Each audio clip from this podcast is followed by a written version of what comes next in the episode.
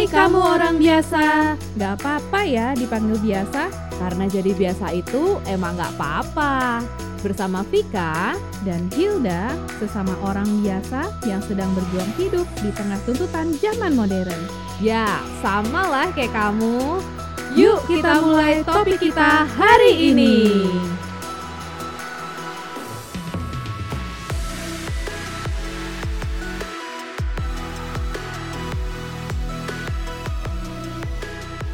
cek-cek timeline gue sekarang udah pada banyak yang jalan-jalan sampai ke luar negeri ya? Udah open border ya? Udah nih, pandemi sudah selesai sis. wih kayaknya udah bisa mulai jalan-jalan lagi. Cuman gue kayaknya masih di sini-sini aja gue ngeliatin timeline teman-teman gue udah pada di US di Swiss lah di mana. Lu ke mana sis gue, gue sih kemarin ke Bali doang lah, masih dalam negeri lah. ya sama dalam negeri apalagi gue kemarin pulang kampung lah bos. Kayak nggak keren banget. Paspor masih belum terpakai. masih licin. Nah Yoi. gue tuh kalau lihat kayak gitu-gitu kadang ya maksudnya kayak orang pergi ke luar negeri terus kayak lihat lebih wow hidupnya dari gue tuh gue suka ada iri sih kadang ya gitu. Maksudnya kayak kok gue cuman gini doang gitu? Sebenarnya manusiawi nggak sih kayak gitu Ya normal sih kali ya. normal sih harusnya kan maksudnya kayak eh, ke- lihat kok dia bisa gitu gue kok cuman kayak gini jadi kayak ngelihat aduh mereka udah punya harta tahta dan wanita iya. Harta tahta dan pria dong. Oh ya bener-bener kok gue wanita sih Upsi Ya kayak apa kadang lihat gitu teman-teman gue udah pada S2 pada pergi keluar terus kayak apa ya hidup di luar negeri gitu seru banget sedangkan gue di sini-sini aja masih berkutat dengan korporasi dan segala macam Lo jadi kayak merasa, aduh kok mereka Mm-mm. jago banget dan gua gini-gini doang gitu lah. jadi kayak berasa ketinggalan gitu loh Iya, gue juga sering ngerasa kayak gitu sih, jujur ya, jujur. Mm, Gue mm. juga sering ngerasa kayak gitu sih. Kayak kalau melihat, aduh, kok yang itu udah pergi ke sana sini dan gue masih begini-begini aja ya, gitu kan. Perasaan itu valid kan ya emosi itu ada kan Valid, valid, valid. nah, cuman Tapi ya Mm-mm. kita bisa sih sebenarnya untuk berusaha melawan pikiran itu dan bikin diri kita jadi nggak terbawa emosional yang nggak perlu karena itu. Iya, untuk Soalnya- lebih memanage gitu ya, supaya supaya nggak nggak keluarnya nggak jadi toxic atau nggak jadi negativity gitu ya. Iya, soalnya sebenarnya kalau dipikir-pikir ya, emang kenapa sih kalau mereka pergi jalan-jalan ke Swiss terus lu ke Bali, emang kenapa? Ya nggak sih? Lu Iya. pernah mikir kayak gitu nggak sih? Iya, kadang sih kalau misalnya dipikir-pikir ya mampunya masih ke Bali doang.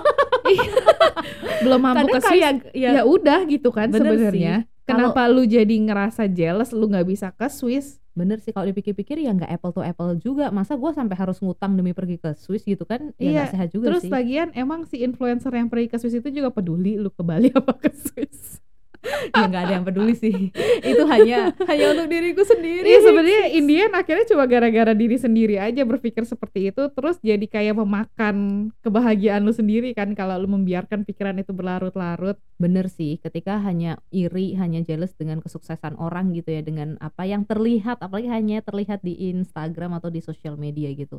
Iya betul. Sebenarnya sama kayak yang lu pernah cerita sama gue itu, yang maksudnya kalau misalnya kita lihat kayak Bill Gates gitu ya, maksudnya kan misalnya kita membandingkan kita, aduh gue siapa sih? gitu, itu si Bill Gates apa nemuin Microsoft tuh umur berapa kemarin tuh?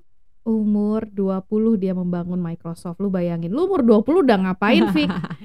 gue umur 20 kayaknya masih eh, itu berada di kampus yang macet banget itu gue sebagai gue sebagai Yang di guru Jakarta Barat itu. yes yang di bilangan kalau kata orang di bilangan Jakarta Barat ya kan yang macet banget itu yang gue nggak tahu jodoh gue ternyata sekolah di situ juga Ketemunya setelah keluar dari kampus itu ya. iya baru tahu ternyata dan gue pada saat itu masih jadi guru les dan gue jualan jus yang mau expired coy. Demi menyambung hidup. Bayangkan 20 tahun gue. Kalau 20 tahun lo ngapain?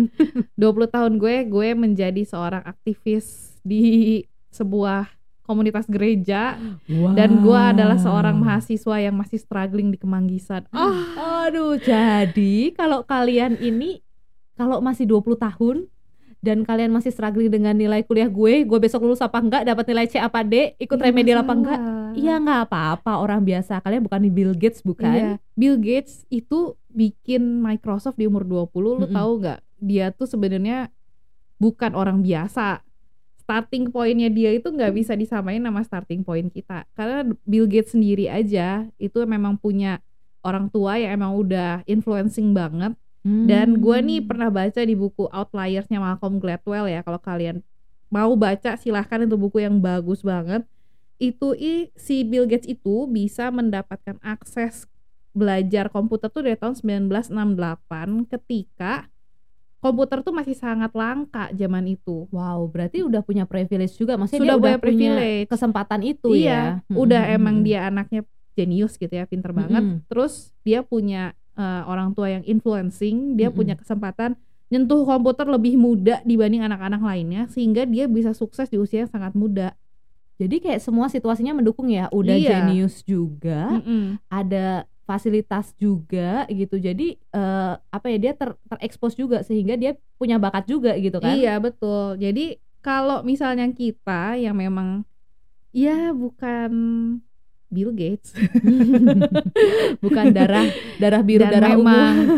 kesempatan yang harus kita cari itu ya susah gitu kan. Kalau ya lu harus berusaha cari kesempatan dan itu wasting your time ya ya sudah memang tidak akan bisa lah. Lu umur 20 sudah membangun sebuah perusahaan. Ya biasa kan kalau kata motivator-motivator gitu loh Hil. Maksudnya kan you can create your own opportunity don't wait for the opportunity to come but you need to create ya ya itu memang ada benernya cuman kalau we want to be realistic dan maksudnya nggak memaksakan diri kita untuk maksudnya biar nggak cari penyakit lah kasarannya gue bilang kayak gitu ya Heeh. harus be realistic aja bahwa ya starting point setiap orang nih beda modalnya Betul. kasarannya tuh beda-beda jadi lu nggak Betul. bakal bisa samain dengan orang itu gitu ya in this case kita ngomongin Bill Gates gitu ya, Ya, ya. kalau ini ini mau ngomong ngomongin karir ya, lu ngerasa Mm-mm. ketinggalan kereta karena lu nothing dan lu udah umur sekian gitu. Dan lu membandingkan diri lu dengan seorang yang memang udah wah dan hebat banget, belum tentu starting point kalian tuh sama.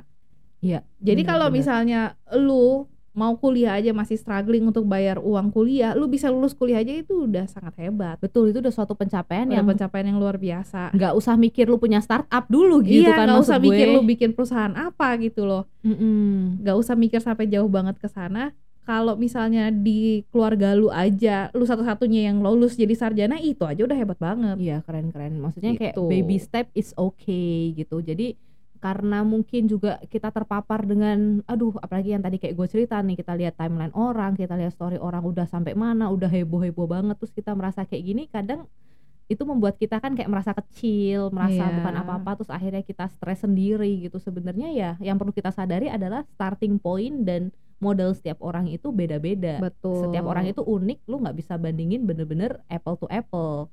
Jadi jangan pernah bandingin apa yang lu alamin sama yang influencer itu alamin nih misalnya misalnya gue cuma mampunya ya emang gue pergi ke Bali aja sih tapi itu pun buat gue udah menyenangkan banget sedangkan dia bisa pergi ke Swiss tuh sebulan gitu kan misalnya Heeh. Terus lu membandingkan gua baru bisa bahagia kalau gua bisa pergi ke Swiss sebulan. Ya ngapain? Iya kan Cuma karena lu ngiri ngelihat dia ada di Bener. Swiss gitu kan. kalau bisa jadi orang biasa dan bahagia, dia ya nggak kenapa-kenapa kan, nggak apa-apa juga. nggak apa-apa juga gitu. Nah itu yang kadang kita terjebak dalam situasi di mana kita harus achieve ini, kita harus harus achieve itu, kita harus dapat ini itu sampai kita menjadi bahagia. Padahal sebenarnya kebahagiaan itu bisa didapat dari hal-hal kecil tersebut. Betul, dari hal-hal kecil yang emang kalau lu udah ngerasa diri lu cukup eh, melihat diri lu sendiri apa yang lu punya itu udah lu syukuri, lu nggak perlu merasa kurang ketika lu ngelihat orang lain tuh lebih dibanding lu. Itu Dan- racun sih sebenarnya. Bener dan apalagi sampai ngerasa bahwa ketinggalan gitu loh Mm-mm. dari. Tapi gimana Hil kalau misalnya kayak eh, contoh misalnya eh, kita kita nggak usah ngomongin Bill Gates deh yang mungkin terlalu jauh buat kita. Misalnya teman-teman sepantaran kita gitu, misalnya teman seangkatan kita gitu yang oh kok dia udah punya startup keren banget atau enggak mungkin eh, dia udah jadi apa gitu di karirnya sedangkan kita hanya apa gitu. Itu kan kadang kita juga ngerasa jealous, ngerasa apa gitu ya. Mm-mm. Cuman Pasti. balik lagi mesti di reflect balik juga lagi jealous jealous muncul pasti ada. Kan. tapi kan bisa dikonten lu bisa menghentikan lah itu pilihan lu lu mau tetap jealous atau enggak gitu loh. Bener-bener dan dan bener-bener mesti dilihat juga walaupun dia teman sepantaran dia teman apa tuh mesti dilihat yang tadinya itu ya maksudnya Modalnya mungkin modalnya starting point modal nih bukan hanya dalam masalah duit ya. Betul betul karena networking influence dari orang tua dan eh, kesempatan yang dia terekspos seumur hidupnya itu mungkin memang beda walaupun umurnya sama. Jadi betul. Jangan cuma bandingin umurnya doang. Heeh. ya memang paling sehat paling bener itu adalah bandingin diri kamu sebelumnya sama diri kamu sekarang Iya, gitu. Ada progres sehat. apa enggak? Gitu loh. Karena eh, bukan bukan berarti di sini terus kita ngajarin ah ya udah dong. Berarti karena Hilda Vika bilang nggak apa-apa jadi orang biasa terus gue rebahan aja tiap hari gitu nggak ngapa-ngapain. Ya jangan juga dong. Habis gini ntar kita pada di apa apa kita bakal dioceh sama orang tua orang tua karena tiba-tiba anaknya kok main game doang gitu. Hil gimana dong? Eh, jangan dong. Intinya lu harus bisa juga berusaha untuk maju cuma jadikan itu sebagai drive yang positif Mm-mm. yang membangun bukan sebagai drive yang penuh dengan kecemburuan yang bikin lu nanti suatu saat juga bakal lelah sendiri ya kayak memakan kebahagiaan lu sendiri kan perasaan-perasaan seperti itu. Bener-bener ini kalau kalau yang berdasarkan jealous ke apa kecemburuan ini gue inget film Itaewon Class nggak sih itu itu kan dia juga drive eh, drive-nya kan tapi gara-gara dendam sih kalau itu sih ya Mhm. Hmm, kalau itu juga maksudnya sampai dia akhirnya bener-bener bisa sukses bisa punya perusahaan gede si si Pak Seroyi itu kan Mhm. yang lu suka banget itu kan Oh. mau dong kalau ada meet and greet oh enggak ya ya itu salah satunya kan dia punya self self self driven juga dan dia membandingkan diri dia sebenarnya dengan dengan dia yang dulu kenapa dan dia sekarang bisa jadi seperti apa walaupun memang ada faktor lainnya yaitu dia dendam sama si jangga itu. Cuman Iya, betul. eh, di balik itu semua kan dia juga melihat bahwa kapasitas diri dia tuh apa dia dia punya apa ya kelebihan itu apa dan dia bener-bener drive dari situ gitu dan dia membentuk tim yang solid banget pada saat itu. Ya itu it's Iya. another story juga gitu yang nanti mungkin kita bisa bahas. Cuman di sini yang pasti adalah kita nggak bisa bandingin diri kita plek-plekan dengan orang lain Iya, jadi kalau misalnya lu nih mulai ngerasa, ih kok dia udah jalan-jalan lagi sih dan gue masih ngelembur aja terus tiap hari. Nah, tuh mulai tuh si jealous itu udah mulai kitik-kitik lu tuh. Lu Coba bisa kok untuk nge-stop. Nah, sebenarnya pola pikirnya gini sih. Intinya kalau lu ngeliat orang lain sukses dan lu berpikir bahwa kok dia sukses gua enggak ya. Nah, itu kan sebuah pemikiran yang sebenarnya eh, merusak ya. Lu sebenarnya bisa berpikir bahwa oh, dia sukses. Hebat ya dia sukses. Tapi lu tidak memandang kesuksesan dia sebagai kegagalan lu. Iya betul betul betul jadi pola pikirnya di switch nih Di ya switch. Ketika Bahwa- lu ngelihat orang lain sukses, oh I'm so happy that you're success. I will try to do my best so I can be success like that. Iya, Tapi nggak harus jadi jealous. bener-bener Dan lu merasa gagal karena Bener, gue bener. belum bisa sukses kayak dia. itu self reminder banget tuh Hil thank you banget tuh karena Yes. kesuksesan orang tidak tidak boleh menjadikan cerminan kegagalan kita gitu kan Betul. kesuksesan orang ya udah kita happy atas kesuksesan dia tapi jangan sampai mem- mencap atau menjudge diri kita adalah gagal karena kesuksesan orang tersebut Betul. Karena kayaknya pola pikir seperti itu tuh munculnya kayak cuma split second. Lah. Ketika lu ngelihat terus lu ngerasa kayak ada cek gitu kan di dada. Iya, bener-bener. Ih kok gitu? Nah itu saatnya lu stop and think. Oh oke lah gua memang belum bisa seperti itu tapi bukan berarti gua gagal. Bener bener, Gitu. ini ini suatu apa pembelajaran dan membuka mata batin eh elah mata batin membuka perspektif baru bahwa bukan mata batin ntar ngelihat Eh. yang nggak kelihatan gimana lo Aduh takut takut takut. Oke, jadi kalau misalnya kita hari ini bisa rangkum nih Hil, berarti apa ya? Yang pertama adalah bahwa kita tidak akan pernah bisa membandingkan apple to apple diri kita dengan diri orang lain karena setiap Mm. manusia itu unik, setiap manusia itu uh, memiliki jalan hidup dan memiliki starting point ataupun modal yang berbeda-beda. Ya, dan yang betul. kedua adalah yang kesuksesan tadi itu kesuksesan orang lain jangan sampai lu pandang sebagai kegagalan buat lu oke. tapi kalau ada orang lain sukses temen lu sukses ya lu be happy aja buat kesuksesan dia and you still going on with your life and it's okay And it's okay. Jadi Iya. biasa aja nggak apa-apa. Sekarang lu masih struggle struggling dengan kehidupan lo yang sekarang, ya nggak apa-apa. nggak apa-apa Jalanin, jalanin aja ya. And baby step is also fine. One step at a time is also fine. Gak harus yang grande, yang heboh-heboh. Mm-mm. Yang penting kalian bisa bertahan hidup aja. Itu udah suatu hal yang luar biasa. yes Oke, correct. thank you very much for listening to us today dan uh, thank you banget buat supportnya selama ini yang masih dengerin kita sampai episode kali ini. Aduh, thank you banget guys. Jangan lupa dikasih tahu sanak saudaranya semua teman-temannya buat selalu dengerin kita. And I And- think that's all for today. See you on the next episode. Bye bye.